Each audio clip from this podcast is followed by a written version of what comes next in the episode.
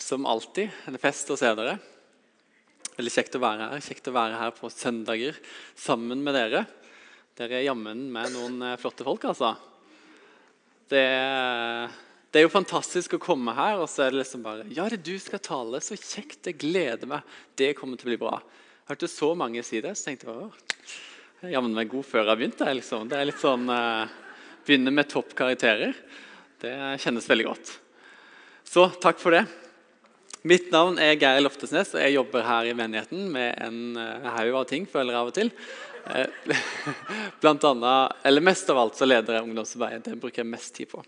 Og det er en fest å gjøre det. Jeg elsker å, uh, å jobbe med ungdom. noe annet jeg elsker, er kona mi. Jeg er gift med Hanne Therese. Bak der, ja. og hvis jeg lurte, så elsker jeg henne mer enn det jeg elsker å lede ungdomsarbeid. Altså, for å si det sånn. Eh, og ehm, for en eh, eh, måned siden i dag så ble vi foreldre til vakre, lille Lykke Dorothea. Ja. Det, det er fantastisk, altså. Hun er så utrolig fin. Eh, Unner dere å se henne, altså. Um, det, jeg skulle, skulle, hatt et bilde av henne på skjermen, her, men dere hadde sikkert bare blitt misunnelige over at vi har den vakreste dattera som fins. Før jeg ble pappa, så tenkte jeg at det var sånn himla klisjé å snakke om eh, Gud, Guds farskjærlighet. Liksom. Vi bruker bilder med at du er pappa. Så, liksom, ja, det greia der. Jeg syntes det var så klisjé, så jeg tenkte at det skal jeg aldri gjøre i livet mitt. Eh, men nå vil jeg bare si at det trekker jeg herved tilbake. Eh, og På vegne av framtida mi lover jeg ingenting. Det kan godt være at jeg kommer til å bruke det bildet seinere. Ikke så mye i dag, kanskje. Og sånn er livet. Det går i sesonger.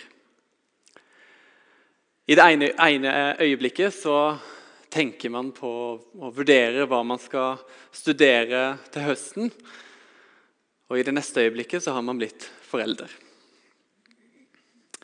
Et øyeblikk så har vi kanskje mista en person som sto oss nær. Og i det andre øyeblikket så har vi fått drømmejobben. Eller kanskje blitt sagt opp, til tross for at vi jobba i olja. Målet med denne taleserien som vi er helt på tampen av i dag, som heter 'Til alle tider', det er eh, at vi uansett hvilken tid vi er i gjennom livet, kan si sånn som David sa til Gud på slutten av sitt liv, i Salme 21. Fra jeg ble født, har jeg støttet meg til deg. Fra mors liv er du min styrke. Målet er at gjennom hele livet, i alle situasjoner og alle faser, gjennom alt det livets gang har å by på, til alle tider. At vi kan si fra fødselen av så har jeg liksom hatt eh, så har jeg støtta meg til det. Jeg har funnet styrken min hos du. Jeg har funnet, funnet tillit hos du gjennom hele livet. Åh, jeg synes Det høres så fantastisk ut. Tenk å kunne si det på slutten av livet sitt. Er ikke det fantastisk? Er det noen andre som har lyst til å gjøre det? Ja? Et par andre? Veldig bra. Ja. Det er et godt utgangspunkt. Dagens tekst er fra Johannes 15. Og når, jeg, eh, når, kona mi fikk høre at jeg skulle tale fra det kapitlet, så sa hun det er jo favorittkapitlet ditt i Bibelen. Eh, og det er det. Det er jo fantastisk å kunne tale ut ifra det. Jeg elsker dette kapitlet. Og jeg leser fra vers 1 til 8, altså i Johannes 15.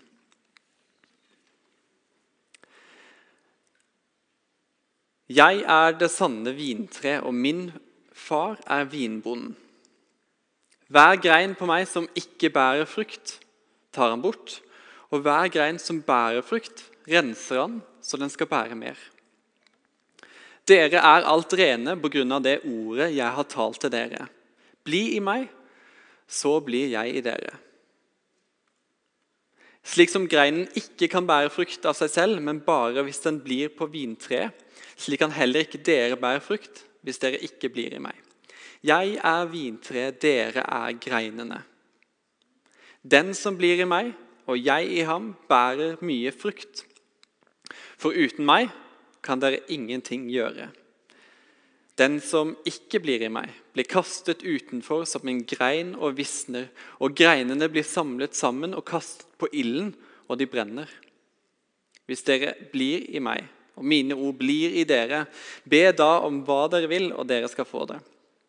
For ved dette blir min far æret, at dere bærer mye frukt og blir mine disipler.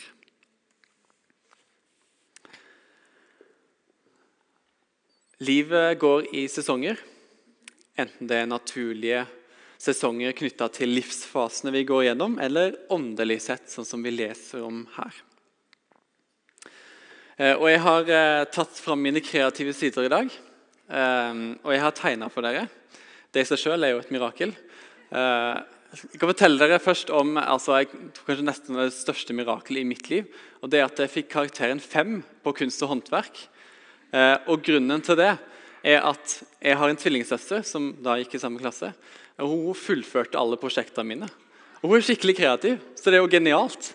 Hun fikk for øvrig karakteren fire. Eh, så det dere lærer av dette, her er liksom det gjelder å menge seg med de rette folka. Anyway, jeg har tegna. Eh, skal vi se her Ja. Dere skjønte hva det var med en gang. Jeg skal hjelpe dere. Um, I teksten i dag leser vi om at Gud er vinbonden. Så jeg har tegna en liten vinbonde her eh, med hagesaks og eh, hockeysveis. Så dette er altså da Gud. Ikke sant? Gud er vinbonden. Eh, og så snakker teksten om at Jesus er vintreet. Så dette her er vintreet som vi sa på G11, når jeg tegnet dette først, så det ut som det i drueklassen her egentlig var øredobber. Men eh, det skal være drueklasser. Vi, forestiller oss at det er frukt, og at det er masse frukt, ikke bare de to. Eh, det er altså Jesus, er vintreet. Og eh, vi, oss, vi er alle greinene på dette treet. Er, dette her er kirka, på en måte. Jeg skriver kirka her. Greinene, vi bærer frukt på, på vintreet. Bra. Var det ganske visuelt og bra? Ja, Dere skjønte det? Veldig bra. Ja. Takk, takk. Um, noe av grunnen til at jeg liker dette her kapitlet så, så godt, um, og dette bildet så godt, er at det illustrerer på en nydelig måte den intimiteten og nærheten som er mellom Jesus og oss mennesker. Tenk hvor intimt greinene på et tre er kobla sammen med stammen og resten av treet. De henger sammen, de er i hverandre. De er uatskillelige. Du kan ikke si hvor det ene avslutter og hvor det andre begynner. Det henger, det henger, sammen. Man kan selvfølgelig kappe av en grein og si at det er liksom mest separat, men når det er på treet, så er det uatskillelig. Og Sånn er det også med oss i møte med Jesus. Vi er uatskillelige. Det er en nærhet og en intimitet som er uten sidestykke. Eh, Mike Breen, som vi kjenner til her i menigheten, han har vært der flere ganger. Kommer for øvrig òg på sommerfestivalen i sommer, så meld dere på i dag. Åpenhimmel.no. Har du ikke lyst til å gå glipp av? Eh, han har laga en genial figur med utgangspunkt i eh, Johannes 15. Han har jo laga flere sånne geometriske figurer for de som liker geometri. Eh, og det den figuren han har laga i forhold til Johannes 15, det er en halvsirkel. Var det egentlig en fin halvsirkel? Ja, det var ganske grei. Ja. Hvor eh, På den ene sida så det, eh, handler det om å bære, bære frukt og vekst. Uh, for øvrig, parentes igjen Eh, norsklæreren min på ungdomsskolen spurte om jeg ville begynne på et kjønnsskrivingsskurs. For håndskrifta mi var så stygg òg. Ja, men eh, OK. Um, og på den andre sida hvile og beskjæring. Beskjæring, ja. Uh, og det Mike Bean sier, er at uh, kristenlivet er som på en måte en pendelvirksomhet som går på en måte fram og tilbake. En sånn rytme i sesonger. Liksom. Vi går fra det ene til det andre. Sånn det er på en måte kristenlivet. Det går i sesonger. Eh, plutselig altså, Vi går over i en sesong av beskjæring og hvile. Og så går pendelen over kanskje til mer å bære frukt og det som har med vekst å gjøre. Um, jeg skal forklare mer hva det innebærer. Eh, å bære frukt, være på denne sida her, handler eh, på mange måter om det samme som å være fruktbar. Det handler om å produsere noe, gi noe videre, reprodusere noe, om du vil. Personlig er jeg veldig glad i frukt. Jeg har vokst opp på Vegårshei, på et lite småbruk. og Der hadde vi masse frukttrær. Eh, så det er litt sånn familiært for meg det med frukt. Jeg liker det. Ehm, og til jul så ga jeg kona mi en eh, sånn juicer, sånn juicemaskin som lager juice av frukt. Det er jo genialt. Um, så det vil jeg bare si sånn tips til dere at hvis det er noe du ønsker deg, så gi det til kona i julegave, f.eks. Der slår du to fluer i samme smekk. Um, vi vet at Gud gir oss nåde til å bli frelst. Og det er helt uforskyldt. Det er en ufortjent gave som Gud gir oss. Og det er, bare, det er, ikke bare, tilgivelse. Det er ikke sånn at vi bare går til å være skuls. At vi går liksom fra minus til nøytral. Men vi går fra minus til plussida. Vi blir ikke frelst bare fra noe, men vi blir frelst til noe. Vi blir frelst til et liv sammen med Jesus. Og blir, blir frelst til å bl.a. bære frukt. Amen. Ja, det er bra. altså. Det er så mange som stopper opp med liksom, eh, ja, vi blir bare tilgitt, men vi blir frelst til noe. Fantastisk.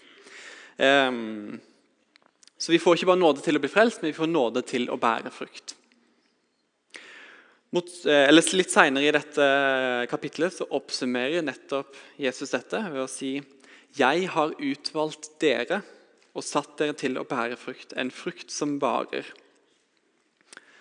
Så Som disipler og kristne så er vi kalt til å bære frukt. Det er ingen tvil om det. Frukt som gjør at Guds vilje skjer på jorden så som i himmelen. At Guds rike bygges. At vi får bety noe for andre mennesker. Vise Guds kjærlighet og vise hvem Gud er. Vårt kall er å gjøre mer og mer av dette gjennom hele livet. Vi er de som bærer frukt. Det er en, sånn, en del av identiteten vår. Og det, det, er bare en, det er en fest å være over her. Altså. Det er så kjekt å merke at du kan få bety noe for andre mennesker. At Gud har lagt ned deg gaver og talenter som du kan forvalte og gjøre at, får, at livet ditt får ha betydning. Det er så meningsfullt. Uh, ja, det er virkelig, virkelig en fest. Sånn, du får en sånn opplevelse at, uh, at du var skapt for dette. her. I was born for this, ikke sant? Når, du, når det er en sånn fase og får, får bære mye frukt. Hvordan kan det ha seg at vi i hele tatt egentlig kan bære frukt? Når man tenker over det, så er det ikke så veldig rart. Eh, det skulle jo bare mangle. For å bli frelst det handler jo nettopp om å bli pola inn på dette her treet som er Jesus. Vi blir kobla til kilden. Vi blir kobla til Jesus, som er det levende vann og livets brød. Det er ikke rart at det springer ut masse liv ut av oss, ut av greinene, når vi er kobla til kilden, livets kilde.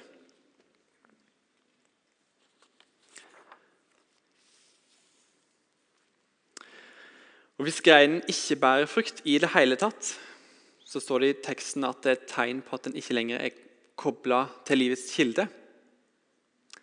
Ehm, fordi den visner. Eh, og, og, Teksten snakker om to typer greiner. Den snakker om på den ene siden, greiner som, er, som visner og er døde eh, og er kobla av treet. Det er de som ikke tror på Jesus lenger.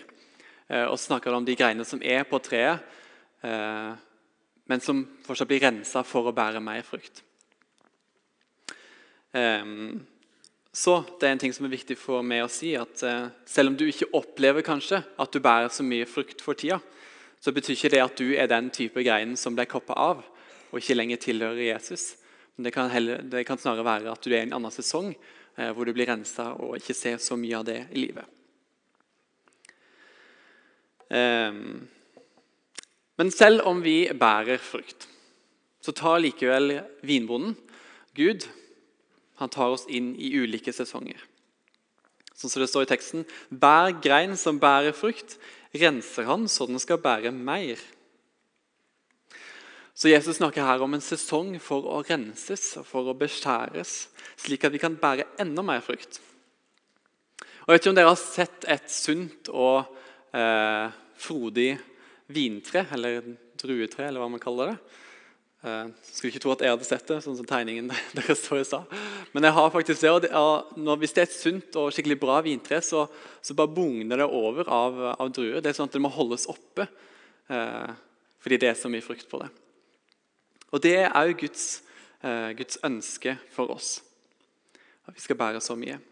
Men for at vi kan gjøre det, så må vi renses og beskjæres. Og Flere av dere kjenner sikkert det bildet fra virkeligheten. Eh, flere av dere har kanskje frukttrær eller erfaring med det. Og Frukttrær kan vokse ganske vilt. Den kan vokse liksom, Skyter stadig nye, friske skudd, som vi synger. ikke sant? Altså hytt og pine. Og eh, ikke alltid så er det eh, gode greiner. Det kan være dårlige greiner som ikke bærer så mye frukt. Men som likevel tar eh, på en måte eh, krafta fra frukttreet fordi det opptar plass. ikke sant? Um, og Noen ganger så vokser det for stort, sånn at det blir, det blir bare masse små frukt istedenfor store, gode frukt.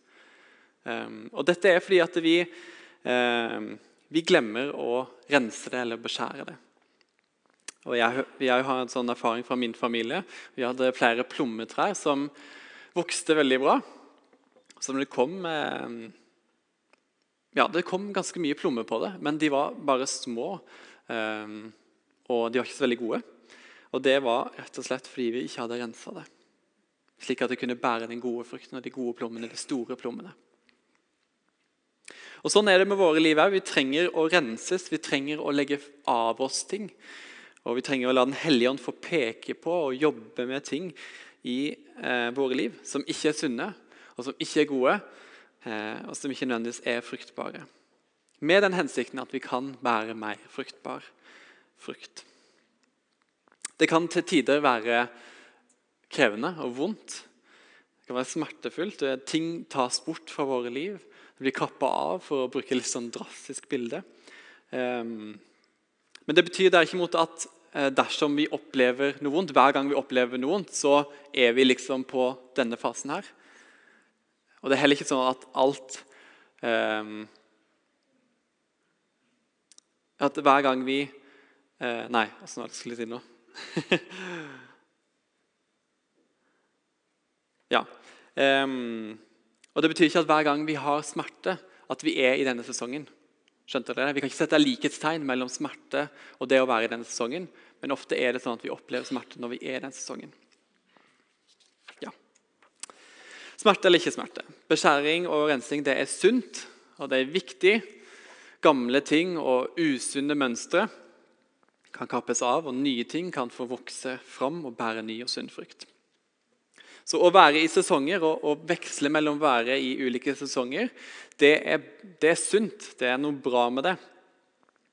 Carpe Diem synger i en av sine sanger 'Evig solskinn skaper bare Sahara'. Og Det er noe sant ved det. altså. Evig solskinn skaper bare Sahara. Det er viktig for oss at livet går i sesonger. Og Det er et åndelig prinsipp som vi ønsker å omfavne. Og Vi ser det i naturen òg. Et tre det vokser seg større om våren. og Som sommeren så bærer det frukt. og Så visser det gjennom høsten, og så tar det liksom pause om vinteren. Før det vokser seg enda større om våren og bærer enda mer frukt om sommeren igjen osv. Så videre. sånn er naturens gang, eh, og det er jo et åndelig prinsipp i det så er det viktig for meg å likevel si at disse sesongene er ikke vanntette. Det er ikke sånn at Hvis pendelen er liksom over her, så nei, vet du hva, nå kan jeg faktisk ikke bære frukt, for nå er jeg her. liksom. Eller når jeg er over her, vet du hva, jeg kan ikke hvile i det hele tatt, for nå er jeg bærefruktsesong. Det er ikke sånn det fungerer. Det er ikke vanntett. altså det, Begge deler går liksom litt i hverandre.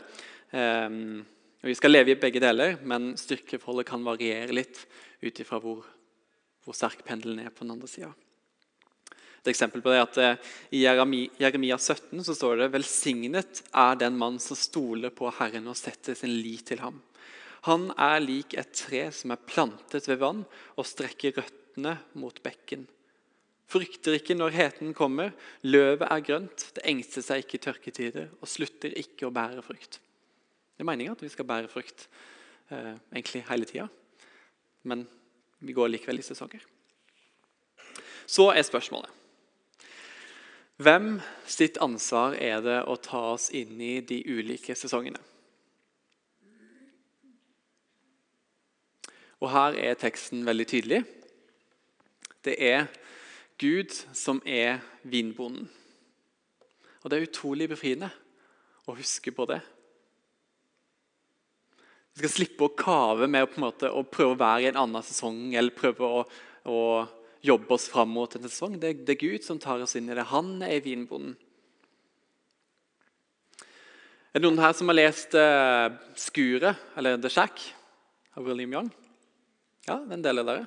Det er en uh, veldig bra bok, altså. Um, og I denne boka er det noen nydelige gudsbilder. Annet Den hellige ånd som en gartner som går og eh, rykker opp eh, ugress i en hage og planter nytt liv osv. Og den hagen, det er vårt liv. Så Den hellige ånd den jobber liksom som en gartner og rykker opp ting med rota. liksom tar, tar ting med rota, tar bort ugresset, så planter han nytt liv. Og Sånn holder, på, sånn holder Den hellige ånd på å jobbe i våre liv. Um, så det er Gud som, som, fikser dette. her. Det er han som har kontroll. Han gjør dette her i den rette tida. Og vi som greiner vi skal slippe å være vår egen vinbonde. Vi skal ikke beskjære oss sjøl. Flere ganger i mitt liv har jeg prøvd å tvinge fram eh, ting som Gud skal ta meg inn i. det er en veldig dårlig idé. Det bærer veldig lite frukt. Det er det eneste jeg har lært fra det. For nåden ligger nettopp i å omfavne det Gud gjør i våre liv akkurat nå, og ikke kjempe imot det. For Hvis Gud sier at han ønsker å ta meg inn i sesong hvor jeg skal renses og beskjæres og kanskje tenke nye tanker om meg sjøl og om andre, kanskje jeg har tenkt eh, usunne tanker om meg sjøl, så skal han ta meg inn i det og lære meg det. Og så svarer han med vet du hva, det høres så utrolig kjipt ut. Se, se hvor mye frukt det bærer. Liksom. Se hvor kjekt det er. Liksom. Jeg har lyst til å være her. Eh, så er det utrolig dumt.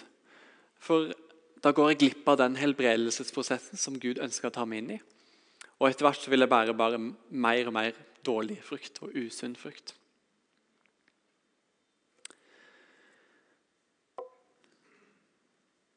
Så stay flexible i ditt åndelige liv og din åndelige utvikling. Gud er gartneren og vinbonden. Han leder, han har kontroll. Kan ikke bare snu oss mot eh, sidemannen og bare senke skuldrene, puste ut og si Gud har kontroll?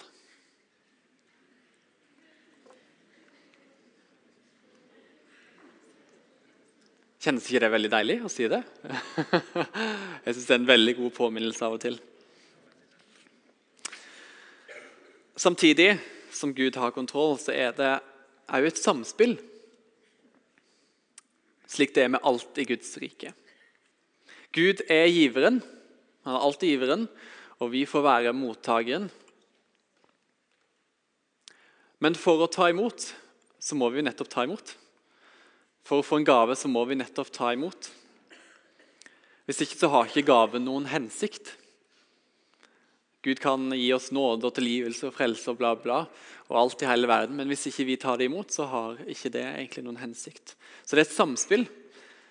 Gud er giveren, men vi kan ta imot. Og for å kunne ta imot det Gud vil gi oss i de ulike sesongene, så er det viktig at vi vet hvilken sesong vi er i.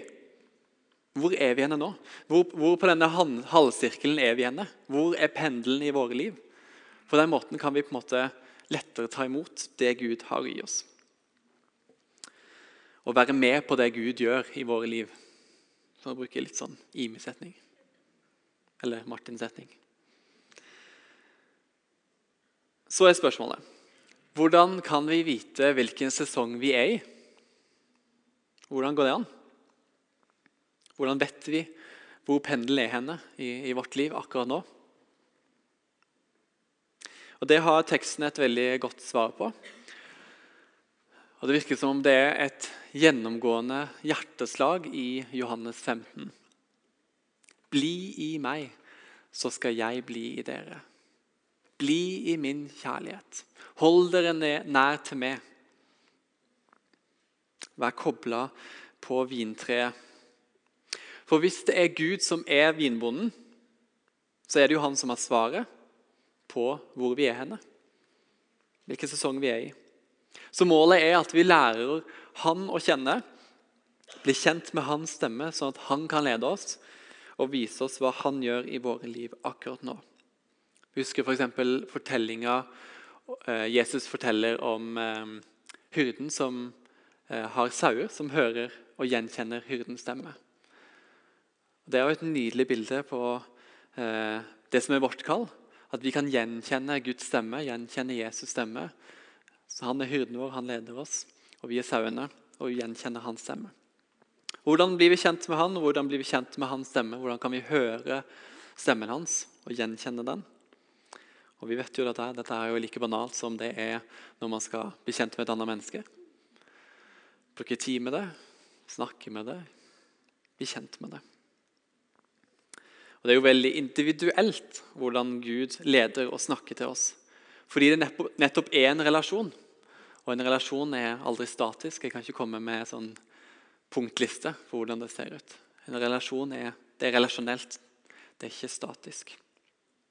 Men det starter som oftest med en varhet om at Gud kan tale.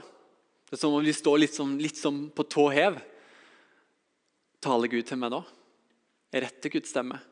Vi har på en måte en åpenhet for at Gud kan tale. og På den måten blir vi bedre og bedre kjent med hvordan Gud taler i våre liv. Det er sånn at Du går rundt og tenker kan Gud si noe Sier Gud noe til meg akkurat nå? Liksom? Det, var det Gud som sa noe? Eller? Ja. Um, og Det kan være gjennom andre mennesker. Gud bruker andre mennesker. Det kan være gjennom tilsynelatende tilfeldigheter. Drømmer du får om natta, ting du henger deg opp i osv.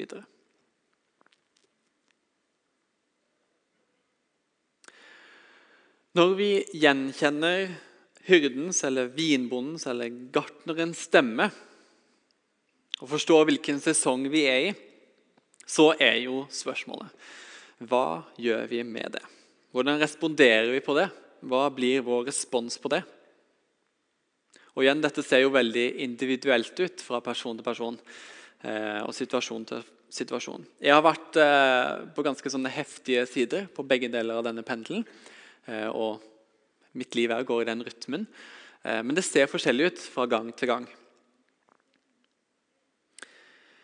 Så en sånn generell, generelt råd er at vi kan søke Gud og søke mennesker for visdom i uansett hvor vi er henne. Det blir på en måte målet vårt og responsen vår. Så har jeg likevel lyst til å gi noen konkrete eksempler på hva som er viktig eh, riktig og viktig måte å respondere på ut ifra hvilken sesong vi er i.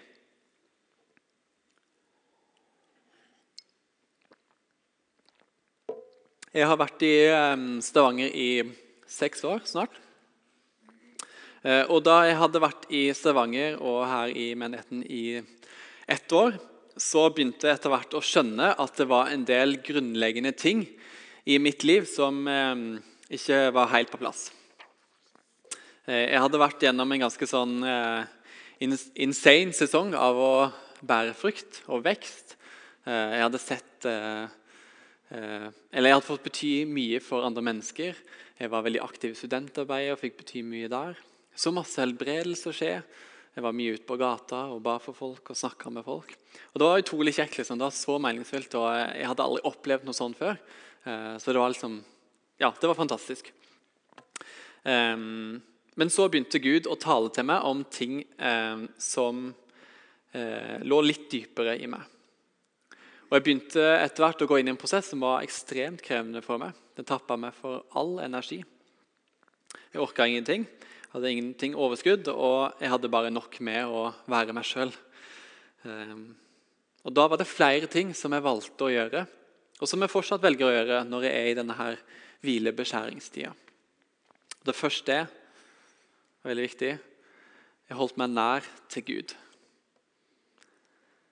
Jeg søkte mye Gud, og jeg kunne bruke timer i lovsang hjemme for meg sjøl. Leste bøker som hjalp meg i denne prosessen, og reiste på hytteturer eh, alene for å være sammen med Gud. Jeg tror det var kanskje tre-fire ganger i løpet av semesteret. Noen ganger fasta jeg, andre ganger ikke. Men det som var viktig, var liksom å, å, høre Guds stemme og vite hva han sa, sa, til meg i denne fasen. Jeg ville ta på alvor det. Jeg ville hvile, jeg ville være sammen med Gud, jeg ville bli beskjært. Jeg la til rette for, eller, ja, la til rette for at det kunne skje. Um, og jeg måtte faktisk si nei til mange ting i denne fasen for å kunne få dette her til tidsmessig. Og òg uansett energinivå jeg hadde i denne fasen, så valgte jeg stort sett å gå på gudstjenester. Det var så viktig for meg å være til stede her i dette fellesskapet.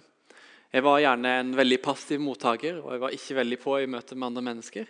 Men jeg visste at det var viktig for meg å være sammen med andre kristne, sammen med Gud.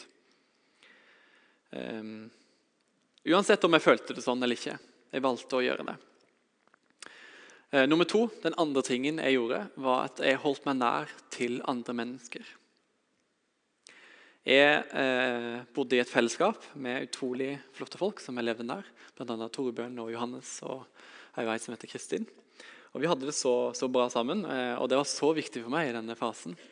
Utrolig takknemlig for den tida vi hadde da. Um, og uh, jeg trengte bare så sårt bekreftelse i denne tida. Uh, jeg trengte nærhet, jeg trengte å kjenne at jeg ble akseptert og likt. Uh, selv om det var mange ting som var galt med meg. Um, og jeg fortsatte å holde fast på det disippelgjørende fellesskapet midt oppi alt. For det var vondt å beskjæres, og det er vondt av og til å beskjæres. Eh, det kan være krevende. Så sørg i hvert fall for at du uansett holder deg nær andre mennesker og holder deg nær Gud. Hvis ikke så kommer det til å bli tøft. Hold deg nær Gud, ikke flukt fra han i denne fasen. Det kan veldig ofte være det som skjer. Og hold deg nær til mennesker, ikke flukt fra dem. Det kan være veldig ofte det som skjer. Og Den tredje tingen var at jeg søkte hjelp hos folk som hadde mer visdom enn meg. Jeg gikk eh, flere år i veiledning sammen med Finn, eh, som leder møtet i dag. Eh, og det, det, er bare helt Jeg kan ikke sette en prislapp på hva, på, på hva du, Finn, har betydd i mitt liv. All den tida du har satt av for å lytte til meg og vise vei når jeg ikke er klart å finne ut av det sjøl. Det betyr ikke at vi eh, hver gang vi er i denne fasen, at vi skal gå i veiledning. eller sånt noe. Men poenget er at det er ikke meninga at du skal klare dette alene. Mestre dette her alene. Gå sammen med folk og søk hjelp hos andre. Ja, Så default-settingen når man er her i denne sesongen, som er viktig å holde fast på, gjenta det igjen. Hold deg nær til Gud, hold deg nær til mennesker. og... Eh, Søk visdom hos folk som har mer visdom enn det.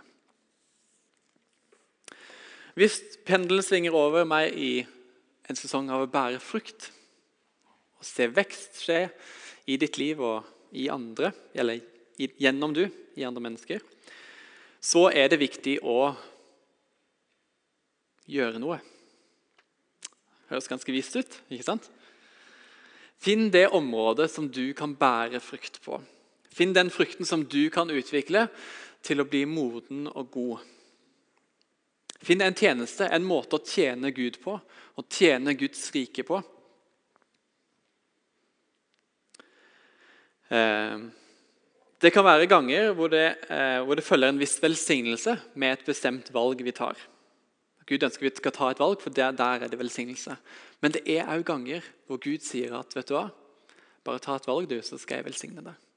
Så det gjelder å finne ut av når er, vi, når er det når. Når er det ja, den ene eller den andre veien. Uansett, ikke la frykt for at det er feil, altså frykt, ikke frykt, men frykt for at det er feil, hindre deg i å prøve ut. Derimot er det ikke et poeng å gjøre mest mulig og fylle opp kalenderen sin til randen og holde på med 18 ting. Eh, for å kunne si et helhjerta ja, så må man òg kunne si et helhjerta nei. Og òg opptil flere ganger må man si helhjerta nei. Det er ingen god idé å pulverisere energien sin og fokusområdet sitt på mange forskjellige ting. Eh, det er langt mer kraft i å gi det til ett eller to områder. Da bærer det som regel langt mer frukt. Og En annen ting som er viktig her gå all in i noe. Over tid. Trofasthet har stor lønn. Eh, jeg har vært med i Join i ungdomsarbeidet i jeg tror det er fem år snart. Um, og jeg har tenkt på det at Tenk hvis jeg hadde slutta mye tidligere. Jeg vurderte det flere ganger å slutte. Tenk hvis jeg hadde slutta mye tidligere. Så tenker jeg på alt det som har kommet etterpå. All den frykten jeg har fått lov å se gjennom mitt liv. Eh, men òg alt det som jeg har vokst på det. Det er fantastisk mye. Tenk hvis jeg hadde gått glipp av det. Trofasthet har stor lønn. Og så har jeg lyst til å bare si at eh, noen ganger så kan det virke som om Gud åpner dører, nye dører, for at vi skal lukke dem. Det høres kanskje litt snålt ut, men, eh, men trofastheten vår kan bli prøva. En åpen dør betyr ikke alltid at du skal gå inn i den. Det kan òg være greit å være bevisst på.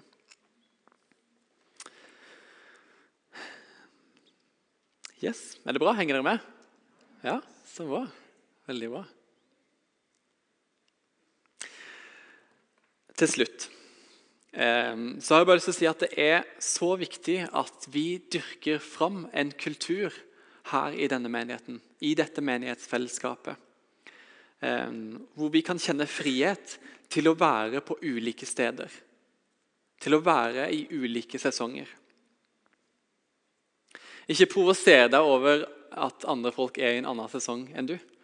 Hvis du er i en veldig, sånn, veldig bærefruktsesong, ikke provoser deg over at andre er over her.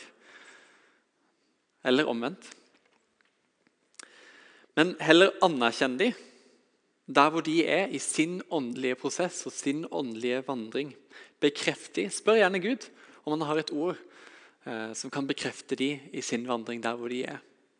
Ikke heng deg opp i at de er en annen plass enn du. For hvert menneske går sin individuelle, unike vandring sammen med Gud som ingen andre kan gå for dem.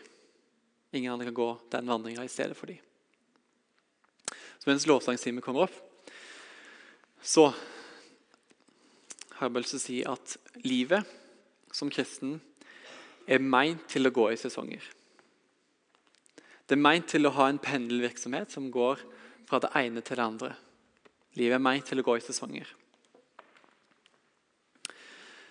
Sesonger som fører oss framover, og som former oss og gir oss vekst. Som gjør oss mer modne, og som gjør at vi kan bære mer frukt.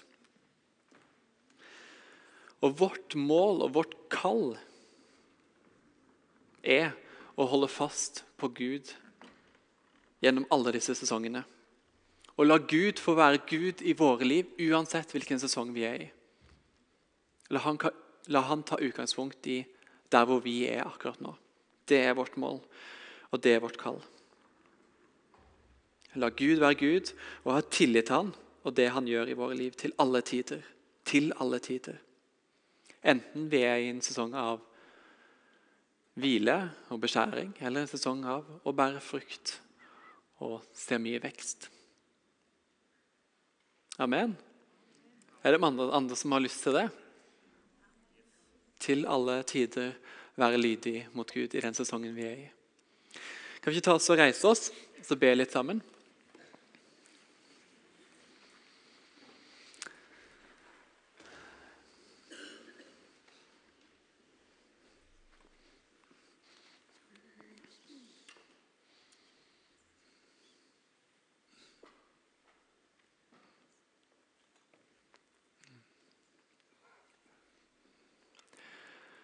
Gode, gode pappa. Takker deg for at du har kontroll.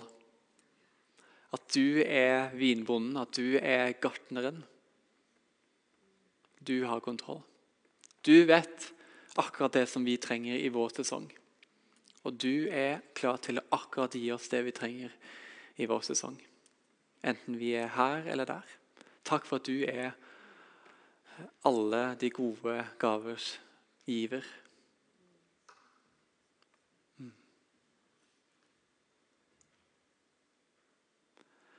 Og Jeg takker deg for at vi som er her inne, og vår menighet, vårt, vårt fellesskap, skal få kunne si at på slutten av våre liv så var det sånn at vi til alle tider kunne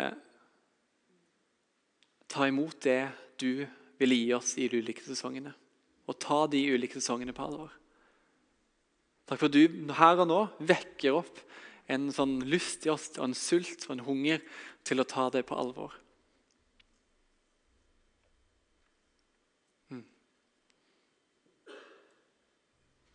Nå ber jeg gode Helligånd, bare tal til oss. Tal til oss om hvor er vi henne nå? Hvilken sesong er vi i nå? Hva er det du har for oss nå? Hva er det viktig at vi stopper opp for og har fokus på akkurat nå? Hva skal vi omfavne akkurat nå? Vi har så lyst til å ta imot det. Vi har ikke lyst til å gå glipp av det. Vi sier det bare til du, Gud, nå. Vi har ikke lyst til å gå glipp av det. Mm. Så her er vi. Tal til oss.